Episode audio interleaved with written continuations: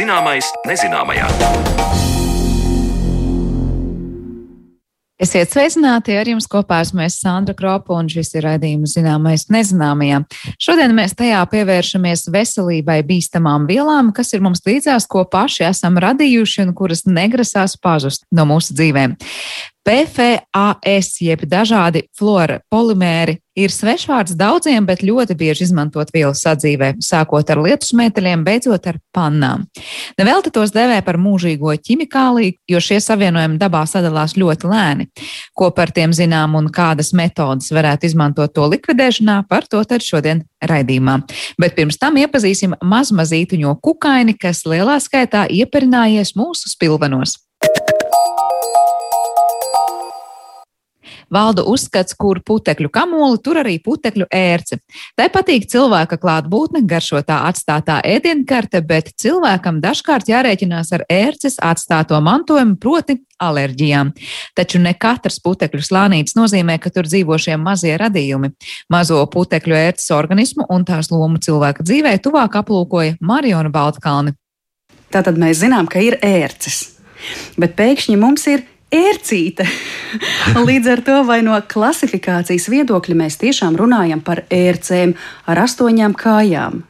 Jā, nu, pareizāk jau būtu teikt eh, putekļu ērce. Bet tā kā viņa ļoti sīka ir, tur ir milimetra daļas, ir, tad vienkārši ir iegājies nosaukums ērcīte. Tātad pamazināmā pakāpe, jo iespējams, ka viņa arī ir mīļa, jo demonitīvu mēs izmantojam tad, eh, kad runājam par kaut ko mīļu. Un mīļi acīm redzot, tāpēc, ka viņi dzīvo ar mums kopā. Šādi putekļu ērci raksturo entomologs Valdemārs Spunģis, un, ja izmantojam diminutīva formu, tad mazītiņās ērcītes izmērs ir vien 0,2 līdz 0,3 mm, tāpēc tā ar aci saskatāma nav. Šis pavisam mazais radījums mūsu ikdienā ieņem svarīgu lomu un var būt arī cēlonis alerģijām. Bet vispirms tuvāk iepazīsim putekļu ērci zooloģijas skatījumā, un entomologs tālāk skaidro skaidro to, kāda ir putekļu ērces un putekļu saistība. Putekļu sastāvā ir eh, ļoti daudz dažādu komponentu, ir, ieskaitot arī cilvēku un dzīvnieku nolobījušos ādi. Ja? Viņas nonāk putekļos, un putekļu ērce ir tā, kas barojas ar šiem ādas pārpalikumiem. Un uh, viņai ir ļoti interesanti aiziņā, ka tie ādas pārpalikumi tas faktiski keratīns, ir, un tur vēl mazliet tauki nāk, tur vēl kaut kādas epitelijas šūnas nāk, un tā tad uh, viņi patiesībā ir uh, gaļēdājs, ja tā varētu izteikties, jo augu barību viņi neizmanto. Un, tās ādas paliekas, acīm redzot, ir ļoti labas un barojošas. Ir. Bet ērcēm ir vajadzīga arī cita nosacījuma, ne tikai barība. Viņai vajadzīgs siltums ir. Teiksim, nu, kaut kur virs 20 grādiem, un viņai vēl vajadzīgs ir augsts gaisa mitrums. Ir. Un viņai tā tad mitrumu dod tā saucamais metaboliskais ūdens, kad viņa sagramo tās sādas daļiņas, jā, tur izdalās ar ūdens, un viņi no tā pārtiek. Un, teiksim, tā, ja ir mitra vide, tad viņi arī ar, visu ķermeni arī uzsūc mitrumu. Un vispār putekļu ērces ir uh, visā pasaulē. Viņas tur kādas 20 sugas. Un, uh, Nu, tropos viņa nav sinantrops, bet uh, mērķinājā zonā un augstajā zonā viņa ir tīrs sinantrops. Tā dzīvo tikai cilvēku mitikļos. Putekļu ērcēm ir tā, ka viņas uh, it kā pastāv visu gadu. Bet ir, ja piemēram ziemā, ja ir apkurss sezona un sausais e, gaiss, ir, tas viņiem ļoti nelabvēlīgi. Viņas nevairojas vienkārši. Un um, viņiem labākais vairošanas periods ir vasarā, tad, kad nav apkurss, tad gaisa mitrums palielinās un ir visu laiku silts. Ir, tas viņiem ļauj. Nu, straujāk savairoties. Un tāpēc rudenos viņu skaits ir lielāks nekā citos gadu laikos. Jo tās ir sekas pēc vasaras labvēlīgā posma. Ja? Jā, tieši tā. Mm -hmm. Tas nozīmē, ka droši vien mums daudziem mājokļos šobrīd uz paklājiem, uz dīvāniem, jā, uz grāmatu plauktiem ir ļoti, ļoti daudz ērcīšu, vai ne? Nu, tas ir tas uh, visbiežāk izplatītākais mīts, jo tās ērces nemaz tik uh, bieži nav sastopamas. Es esmu daudz apsekojis uh, dažādas dzīvokļus, kur dzīvo alerģiski cilvēki. Nekur neesmu atradis ērces. Un universitātes laikā man bija tāds kurs eh, praktiskā ekoloģija, kurā mēs analizējam, studenti analizēja putekļu paraugus. Un eh, atradām tikai vienā paraugā, tur bija simtiem analizēti. Atradām vienā paraugā no muzeja, ja? yeah. zem skapja. Otrs paraugs, eh, kur es atradu ēdzi, tas ir savā darba vietā, Kronvalda Bulvārī 4, pagrabā, kur mēs sēdējām tad tas nemaz nenozīmē, ja tev mājās ir lieli putekļi, kaut kādi kumšķi pa stūriem, ka tajos automātiski dzīvo sērcītes. Tā nemaz jā, nav. Tie, tieši tā, jā. Bet ir viena cita metode, jo ērcēm ir identificēta obaltumviela, kuru var noteikt ar molekulārām metodēm. Un, ja analizē šo obaltumvielu, tad viņu var atrast apmēram pusē no cilvēku mājokļiem. Bet tas vēl nenozīmē, ka tur ir ērce. Bet tur ir bijušas kaut kādas ērču daļiņas, varbūt kaut kas senāk bijis, ir, un tā obaltumviela ir saglabājusies. Latvijā tādu pētījumu nav veikti. Mm. Par iespēju ieraudzīt uh, individu. Es saprotu, ka to var redzēt tikai mikroskopā, bet vai ir kaut kas, um, kaut kāds varbūt sekrēts vai izdalījumi, ko ērcīte atstāja pēc kā mēs tomēr varam spriest, ka tā dzīvo kopā ar mums? Tā tad viņai ir uh, ekskrementi, bet tie ir uh, mērām mikronos, un tos faktiski tikai mikroskopā var ieraudzīt. Bet svarīgākais jau ir ieraudzīt pašu ērci. Un, nu, tur vajadzīgs palielinājums kā 40 reizes, lai viņu noteiktu. Piedāvājuma putekļa ērce ļoti interesanti. Viņa tāda tā kā ovāla bumbiņa ir ar ļoti gariem sariņiem. Man pat grūti iedomāties, kā viņi tur, teiksim, pa tiem divāniem, pa spilveniem rāpo ar saviem garajiem sariņiem. Ir vēl viena metode, kā var pateikt, ka ērces ir mājās, ir tā, ka viņas e, rāpo pa sienām, pa gultu, pa grīdu visur, un viņas uzkrīt uz e, cilvēku sejas, piemēram, naktī. Ja? un kutina sejas matiņus. Tad var pateikt, ka tur kaut kāda dzīvība ir tajā mājā. Ir. Ļoti senos laikos eh, es gulēju tādā mājā, un tas bija tīrais murgs. Ja naktī viņas rāpēja pa seju un visu laiku kutināja seju. Bet uh, droši vien tas nākamais uh, posms, kā mēs varam nojaust, ka tās ērcītes ar mums kopā ir, uh, tās ir jau kaut kādas alerģiskās izpausmes, vai ne? Un šis droši vien ir tas zvērs, kas nu nemazumu alerģisko izpausmju rada. Jā, nu. Tas varbūt arī ir no vienas puses mīts. Tā. jo alerģiskam cilvēkam alerģija var būt no visakā. Ja runā tieši par ērcēm, tad tur vajag veikt analīzi tajā mājā ja, un pateikt, nu, kā ir. Un piedāvā ļoti svarīgi ir savākt putekļus nevis kaut kur no mēbelēm, bet kaut kur no istabas kaktiem, no divāna apakšas, no virtuves, no vannas istabas. Respektīvi, tur, kur varētu būt lielāka varbūtība. Tur, kur mums vairāk tā āda nolobās, ja, piemēram, vannas istabā, es uzreiz iedomājos, mēs ejam dušā un tad noberžamies ar dvieli, piemēram. Jā, nu, vannas istabā, protams, ādas iespējams ir krietni daudz nekā citās telpās. Ir. Un tur arī mitrums ir. Un tāpēc, ja dzīvoklī ir ērts, un, piemēram, viņas ir vannas istabā, jā, tad ļoti maz varbūtība, ka viņas nonāks dīvainā. Tātad kājiņas īsas, viņas nav nekāda liela staigātāja. Ir tā, ka pašas ērces izmanto, lai pateiktu, vai cilvēkam ir alerģija pret ērci. Un kādā veidā tas notiek? Nu, tad, Izmantojot tos uh, izkārnījumus uh, ērču. Nē, pašas ērces, jā. jo tur ir tās specifiskās obaltumvielas. Uztaisno no ērces šķīdumu, ekstraktu, uzliek uz rokas, un tad skatās, uh, kāda ir reakcija. Ja runājam par alerģiju, tad jārēķina, ka viņas maina ādu divas reizes. Tas nozīmē, ka tās ādas ir viegli, viegli putklīši. Ejot teiksim, pa istabu, tu pacēl viņus gaisā un ielpo. Tas pats arī ir ar ekskrementiem. Viņi ļoti sīciņi izžūst, un viņi tā kā puteklīši var pacelties gaisā. Un tad, ja ieelpo, tad cilvēkiem var būt tās alerģiskās reakcijas. Viņai interesants latīniskais nosaukums ir dermatofagoīdes pteronissimus. dermatofagīds, tas nozīmē ādas ēdājs, ja? un teronisinus nozīmē lidot un durt. Tātad ādas ēdājs, kas lido un dur.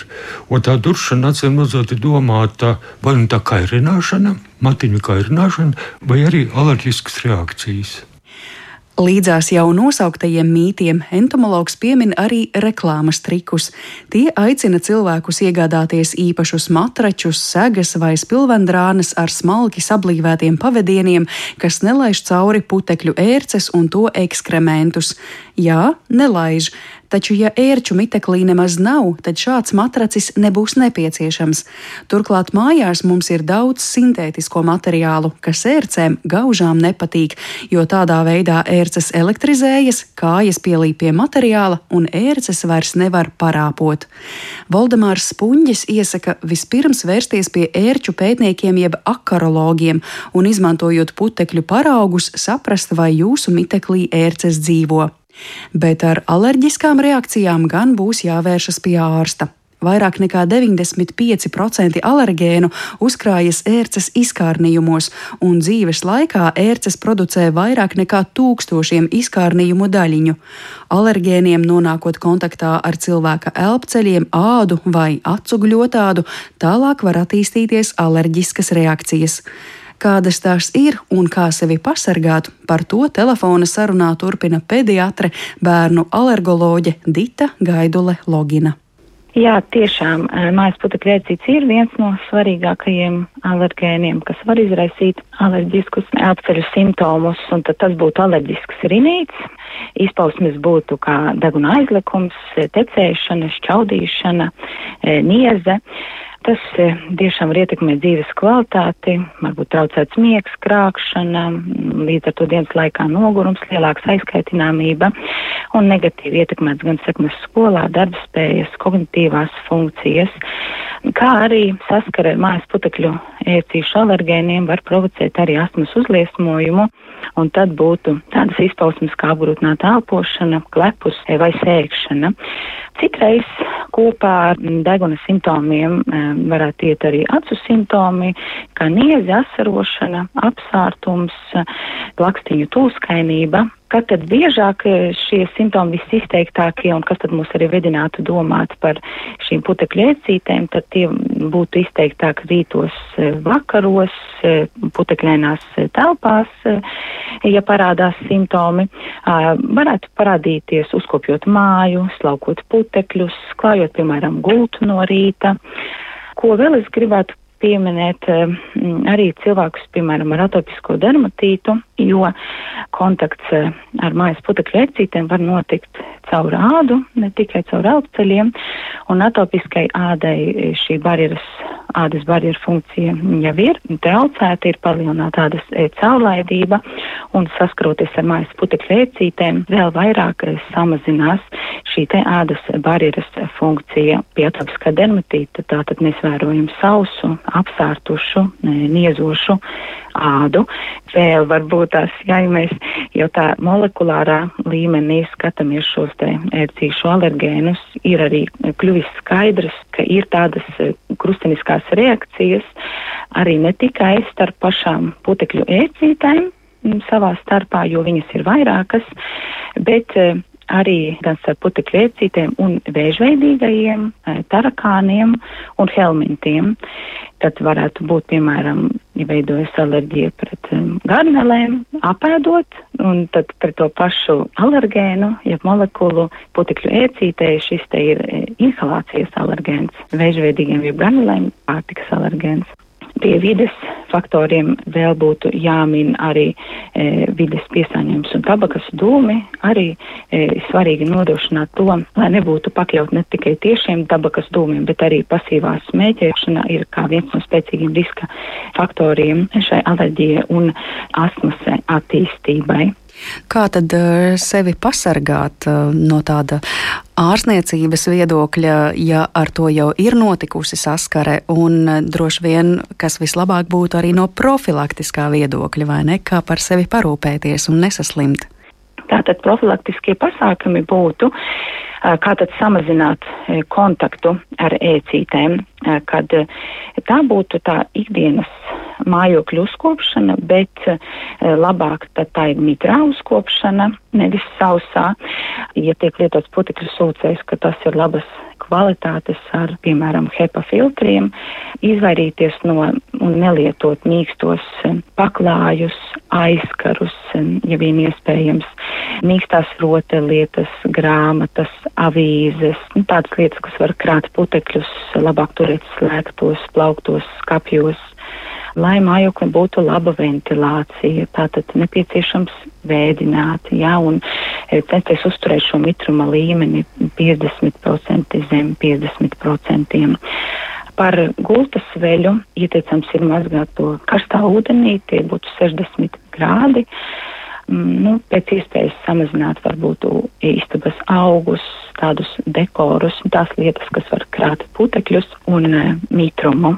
Tad e, runājot, ja ir tātad šie simptomi attīstījušies, tad pirmais ir šī te e, profilaktiskie pasākumi pēc iespējas izvairīšanās no alergēna. E, nākamais solis tad ir medikamenti. Viens ir antihistamīni, ja pret alerģijas medikamenti.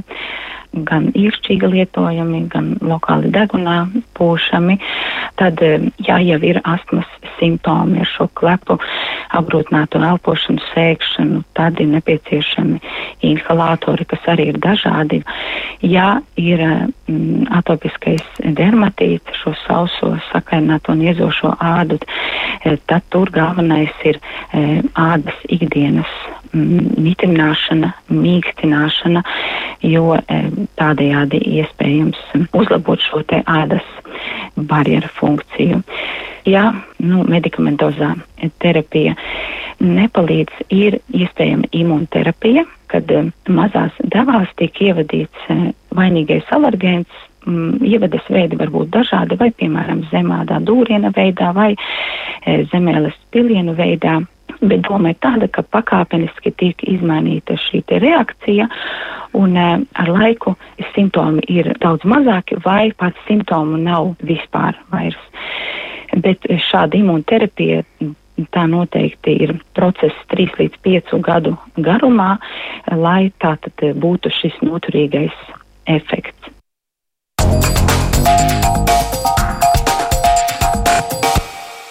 Tik tālu par putekļu ērcīti, bet par mūžīgo ķimikāliju mūsu sadzīvē, fluoru polimēriem saruna raidījuma turpinājumā.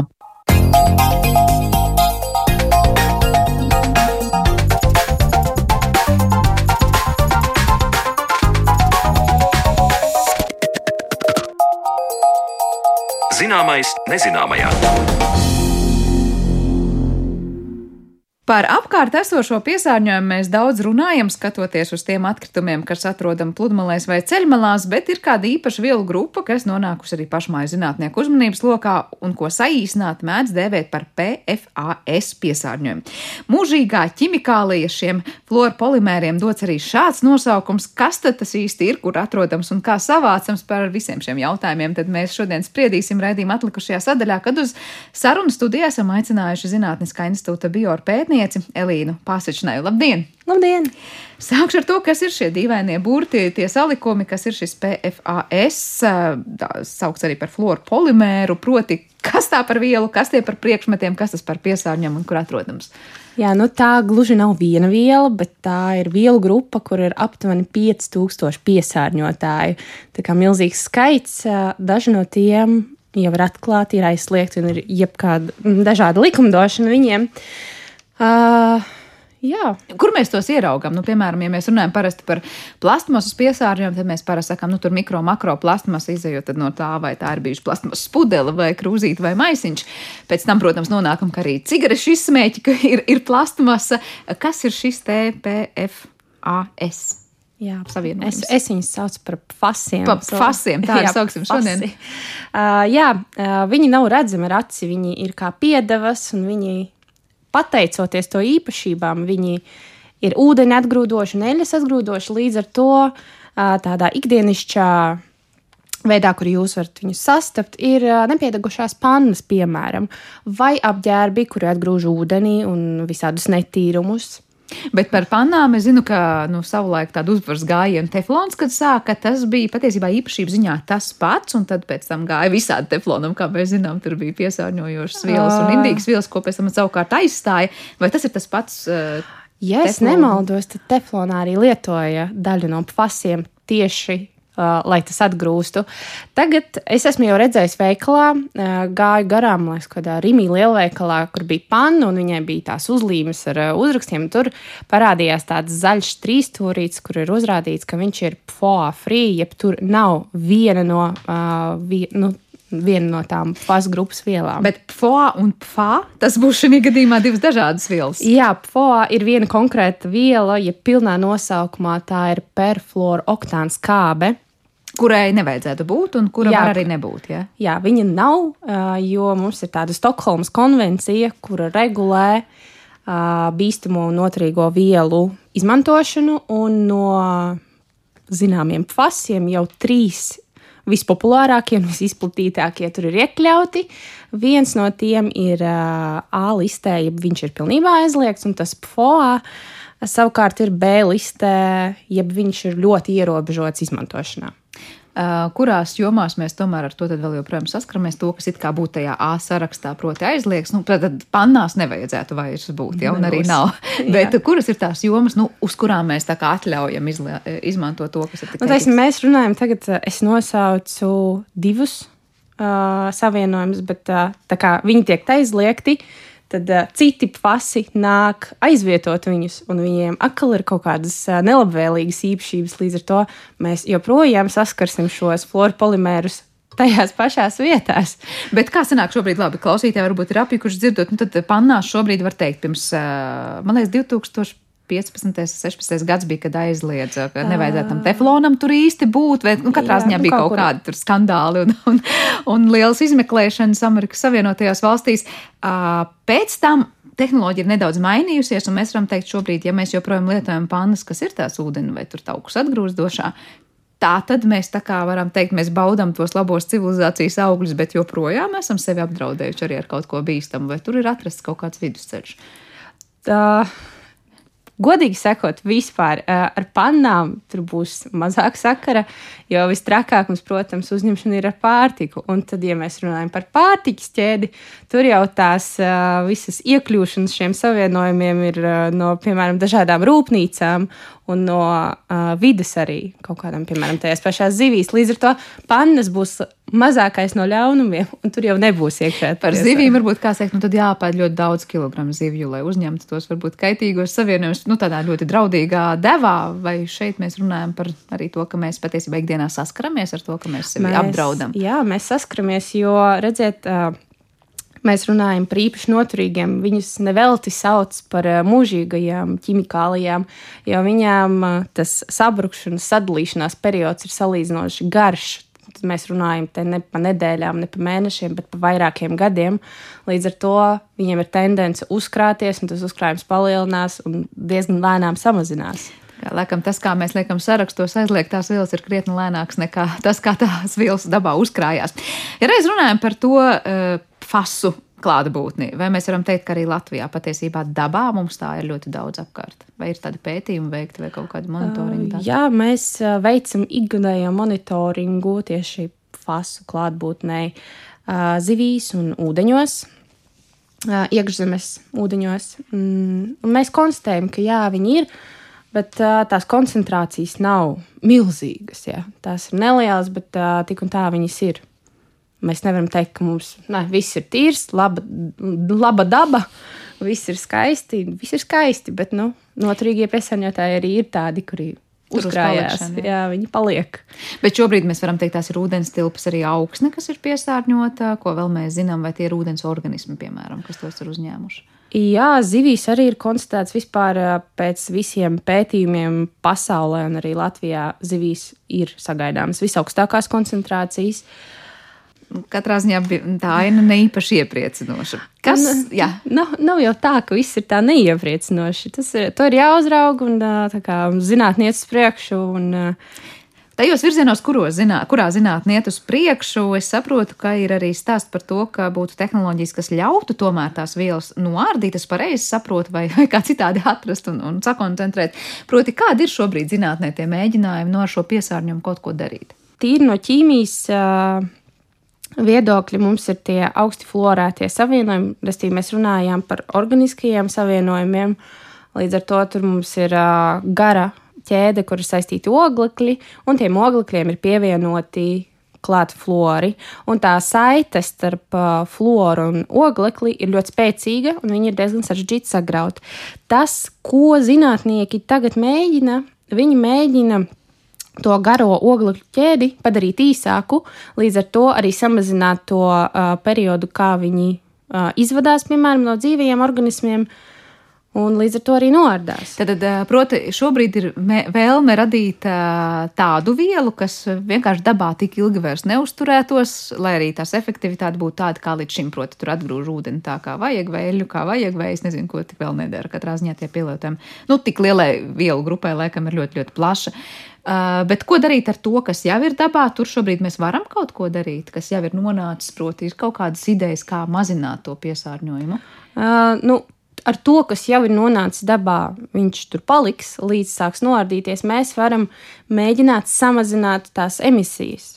Tā lai turpmāk nonāk mazāk, līdz ar to mums ir jāierobežo kaut kāda lietošana, vairāk uzmanības tagad arī velta, piemēram, notekūdeņa attīrīšanas stacijām, tā lai tas piesārņojums nevirzās tālāk, piemēram. Uh, Notekūdeņa stacijās var to attīrīt, kā tur izskatās. Jo parasti, piemēram, pie mikroplasmas, kur mēs biežāk par to esam šajā raidījumā runājuši, saka, ir daļa, ko var aizķert un notvert, un kā citādi, es nezinu, nu, ievilināt savos kaut kādos attīrīšanas eh, schēmu tīklos. Tajā pašā laikā ir lietas, kas vienkārši tur paliks, jo ūdens attīrīšanas stacijas netiek galā ar mikroplasmasu tā kā gribētos.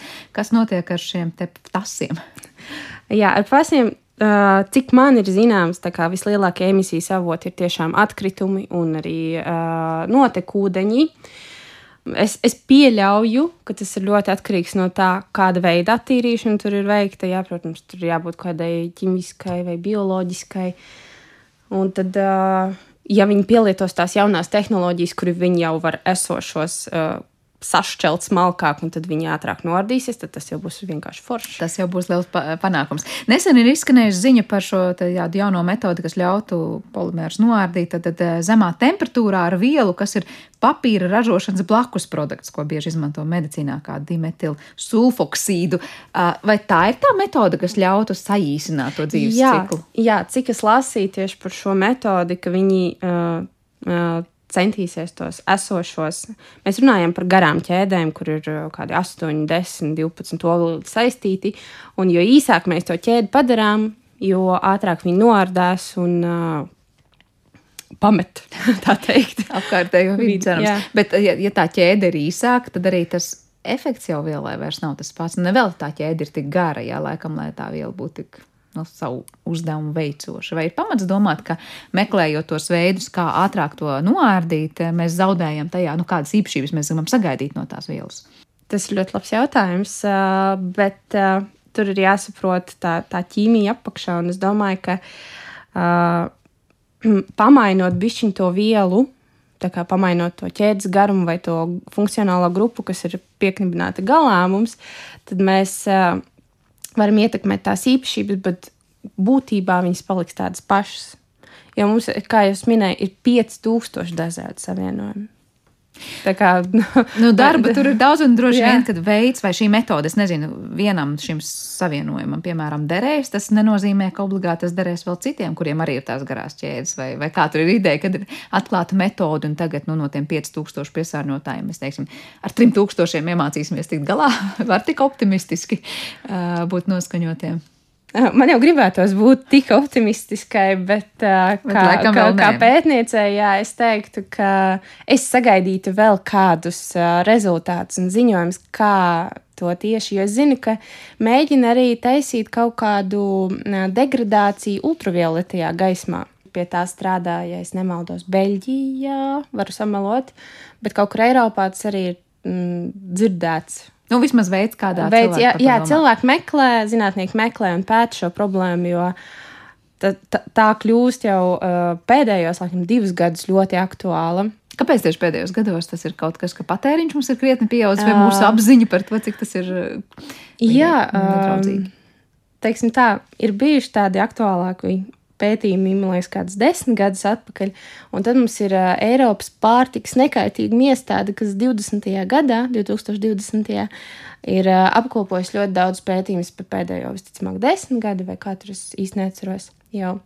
Nu, jā, un viņi ir noteikuši tos četrus prioritāros, kurus tagad ir uh, pastiprināti visapkārt Eiropā, skatās, kā notiek pārtika un konstatē, ka līmeņi ir augsti. Un, uh, mēs varam to robežvērtību, ko ir noteikusi pārtikas nekaitīga iestāde, arī pat pārsniegt. Bet tas ir kādos konkrētos pārtikas produktos, kuros tieši nu, tur mēs piesaucam zivis kaut vai, ja, vai tur ir. Parasti jebkur. skatās uh, visu uh, pārtikas grozu, un tad kopējo skaitu attiecīgi tur uh, aprēķina, cik ir katrā, katra, nu, tā kā katrā reģionā uh, zinātnieki aprēķina savu patēriņu, tur kā, kādā reģionā vairāk ēd zivis, kaut kur gaļu, kaut kur dārzeņus. Tad, uh, Bet tās vielas klātbūtne tātad būs vienalga, vai mēs ēdam dārzeņu, zivis vai gaļu, jebkuram no, no mums. Jā, jo, viņa, jo šīs vielas parādās ā, dažādos produktos, tikai dažādās koncentrācijās. Uh, mēs te runājam par to, ka ir slikti, ka šīs vielas ir apkārt un tās ilgi uzturās apkārtējā vidē un arī tad, tad dzīvniekos. Kas ir tās negatīvās tieši ietekmes, ko tās vielas rada? Vismaz par tiem tefloniem sākumā daudz bija, bija runāts tieši par kancerogēno ietekmi, tad par ļaundabīgo audzēju rašanos, par dažādām iedzimtām saslimšanām. Uh, kas ir tās galvenās lietas, ko pārmet šiem te fasiem? Uh, nu, tā kā šīs vielas uzkrājās, viņas uzkrājās uh, aknās, nierēs, līdz ar to mūsu endokrīnā sistēma ir pakļauta iedarbībai. Uh, nervu sistēma mm, ir daži ziņojumi par to, ka viņa veicina diabētu, bet uh, tie nav tik daudz. Bet līdz ar to ir jā, uh, nu, jārēķinās ar to, ka, ja viņi nevar būt izvadīti, viņi paliek tajā endokrīnajā sistēmā un kaitē tieši tiem orgāniem. Uh, Tātad skaidrs ir viens, ka nu, to vielu klātbūtne ir pietiekoši nopietnas drauds veselībai, ja tās pārsniedz noteiktas normas. Jā, jo mazās devās, es saprotu, mēs tāpat esam pakļauts tam vielām jau Mm, Jā, sen. viņas tik un tā fona līmenī parādās mūsu dzīvē. Uh, bet tur tiešām būs jāpēta ļoti daudz, lai pārsniegtu to robežvērtību. Tā kā nav jābaidās, ka visiem tur tūlīt piemetīsies kaut kādas slimības. Noteikti nē. Tas, kā šīs vielas nonāk apkārtējā vidē, vai mēs te runājam par uh, to procesu, kamēr tiek ražoti konkrētie savienojumi, proti, tā ir tā ķīmiskā rūpniecība, un tāda ir, piemēram, kāda neatīrīta notekūdeņa vai, nezinu, neatļauts noplūdes dabā, vai mēs runājam par to, ka kaut kādu materiālu mēs izmetam ārā, un pēc tam tas sadaloties sīkākās daļiņās arī rada to slikto efektu. Pirms tam piesaucāt atkritumus, tātad tas ir, nu, nezinu, izmestie poligonā esošie atkritumi, kas rada to problēmu, vai pludmalēs atstāt. Ja? Nu, skatoties, šīs vielas, viņas ir kā piedevas. Līdz ar to viņas ir visur, visapkārt, arī kaut kādos ā, plasmas materiālos. Ja. Tad visur, kur mēs runājam par plasmas piesārņojumu, mēs arī Jā, visur, kur mēs runājam, ka kaut kas atgrūž ūdeni vai atgrūž, jebko atgrūž, kas ir mitrs, ā, tad tur noteikti būs kāds no šiem fasiem iekšā, jo tādas ir viņa īpašības. Līdz ar to mm, ar viņiem ir tā, ka viņi ir labi šķīstoši ūdenī ļoti daudzi. No tie, kas ir plašāk pētīti. Līdz ar to, tikko mēs kaut ko izmetam, mums ir kaut kāds es nezinu, bezmaz vai dīvains, ja, kurš atgrūž tur kaut ko. Un aiziet lietus, un mēs ar lietus ūdeņiem viņi noskalojas, izšķīst un aizplūst dabā. Tieši tik vienkārši. Bet tas ir kā tādas mikrodaļiņas, kas nonāk dabā jau kā šis piesārņojums. Proti, nu, piemēram, ir kaut kāds konkrēts priekšmets dabā, ja, kas eh, nu, nonāk saskarē ar ūdeni. Un tad vienkārši ūdenī nonāk šīs kaitīgo vielu daļiņas kaut kādas. Jā, Tās vai- gluži nebūs daļiņas, tas būs molekulas, kuras spēj izšķīst, un viņas pārvēršas jonos. Līdz ar to ā, tā kā fiziski mēs viņus nekādīgi nevarēsim. Jā. Vai Latvijā jūsu institūtā notiek darbs pie pētījumiem, ko darīt ar šīm vielām, vai jūs vienkārši monitorējat, kur to ir un cik to ir, vai ir kaut kādas arī idejas, pie kā Latvijas zinātnieki strādā? Mūsu institūtā es pat izstrādāju doktora disertāciju pie šo vielu klātbūtnes un noteikšanas pārtiks produktos.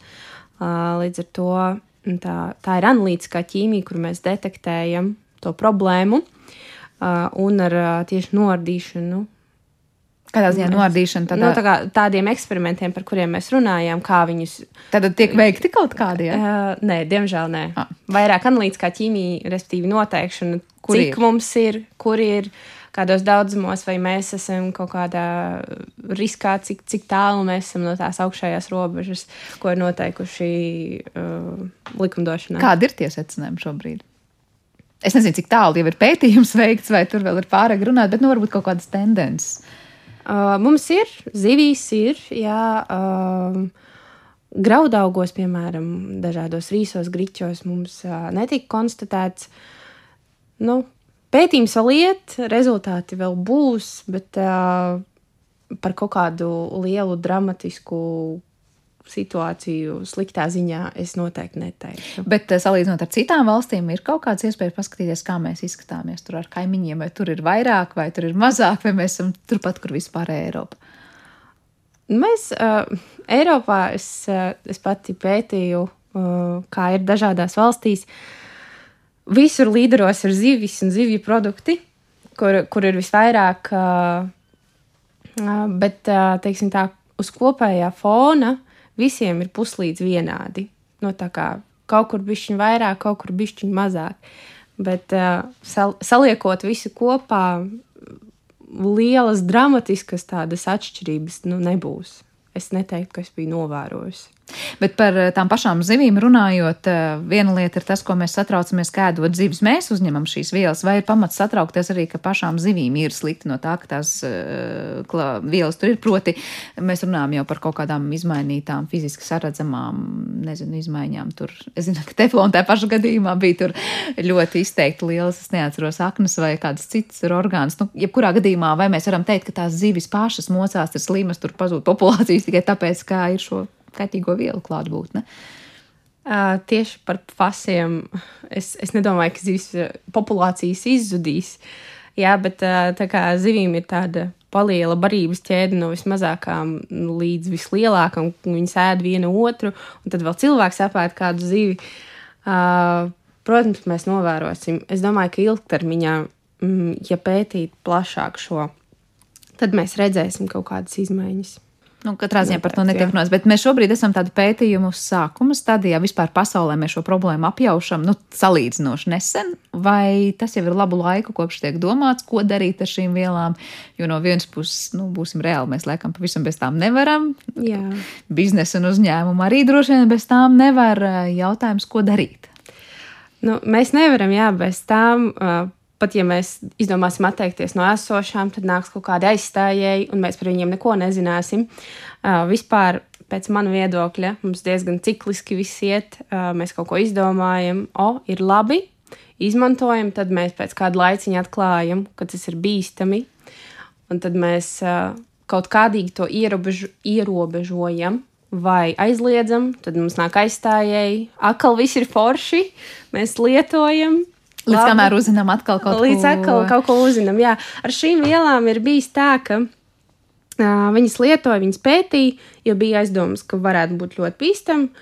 Uh, pieņēma pirmos ierobežojumus divām vielām, tad pārskatīja un uh, pielika vēl divas klāt, četras līdz ar to.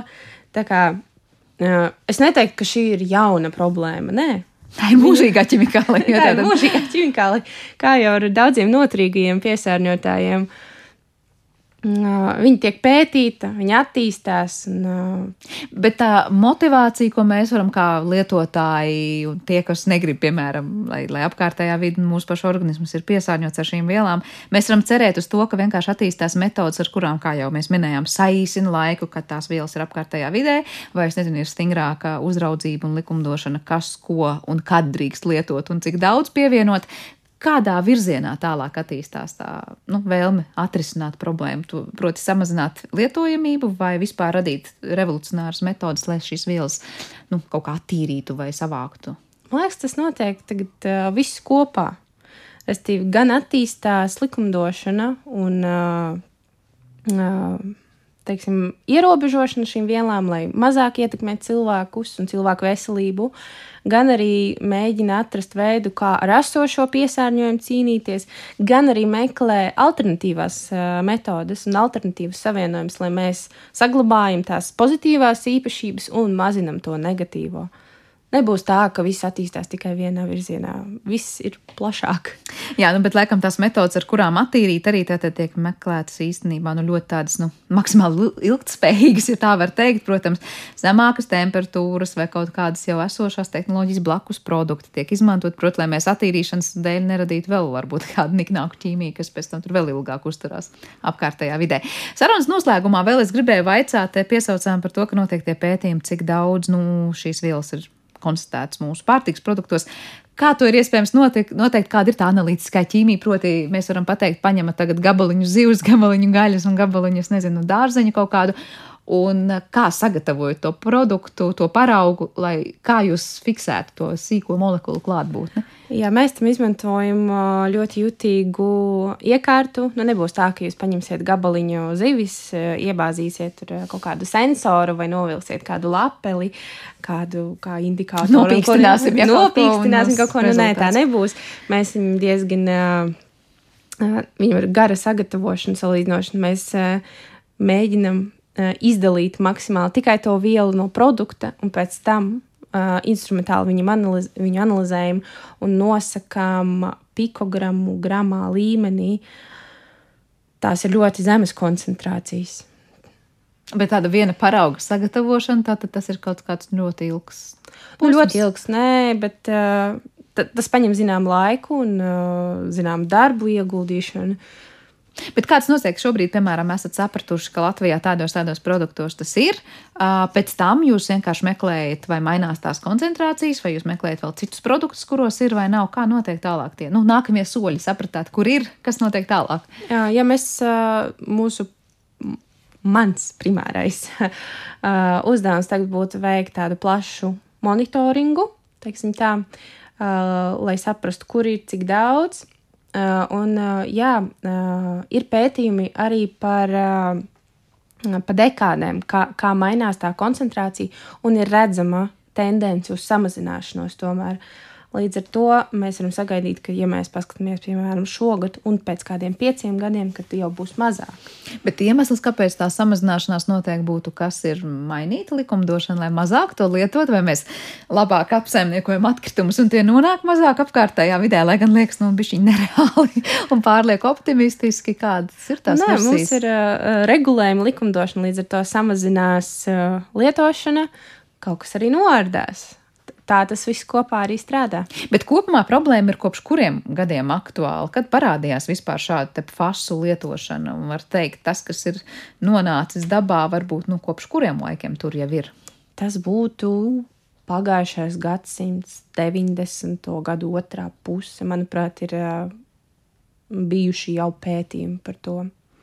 Vismaz atceros, mūsu kaimiņiem, Zviedriem, bija pētījums pa 90 Eh, kaut kādā gadā, 2000. un 2010. viņi skatījās tās tendences eh, pārtiks produktos, kā mainās šo savienojumu koncentrācijas, un ir novērojama mm, tā tendence samazināšanos. Jā, tas, protams, priecē, bet tā, laikam ar šīm vielām ir līdzīgi kā ar daudz ko citu pasaulē, kas sākumā tiek izgudrots un atklāts, un liekas, ir tāds uzvaras gājiens un eiforija. Liekas, mēs tūdaļ esam atraduši veidu, kā ļoti ērti dzīvot. Pēc tam ir kaut kāds brīdis, kurā saprotam, ka labi nav, jo tā ērtība prasa diezgan nu, augstu cenu pārnestā un arī tiešā nozīmē droši vien. Un savukārt pēc tam meklējam veidus, nu, ko domāt, lai gan kā, to labumu turpinātu baudīt, bet arī to piesārņojumu neradītu darīt. Un tad šobrīd es saprotu, ka tās vairāk idejas ir samazināt lietojumu, regulēt, plus meklēt šīs inovatīvās tehnoloģijas, kā attīrīt. Nu, ko es ceru, ka mums sanāks eh, dzirdēt arī turpmākajos gados, ka vismaz arī Latvijā mēs varam teikt, ka tendence ir samazināties šo vielu klātbūtnē dabā. Būsim atbildīgi dažādu produktu lietotāji un, protams, cerēsim arī, ka zinātnieku galvās būs jaunas idejas par to, kā atrast metodas, kas tiešām šos te polimērus varētu noārdīt vienkārši, ātri un efektīvi. Paldies par šo sarunu. Elīna Pasiečnē, tātad biozinātniskā institūta bioāra pētniece šodien viesojās mūsu raidījuma studijā. Šo raidījumu producēja Paula Gulbinska par mūziku gādāja Girds Bišs, skaņu režijā bija Kristīna Dela un studijā Sandra Kropa. Lai mums visiem veiksmīga diena un tiekamies!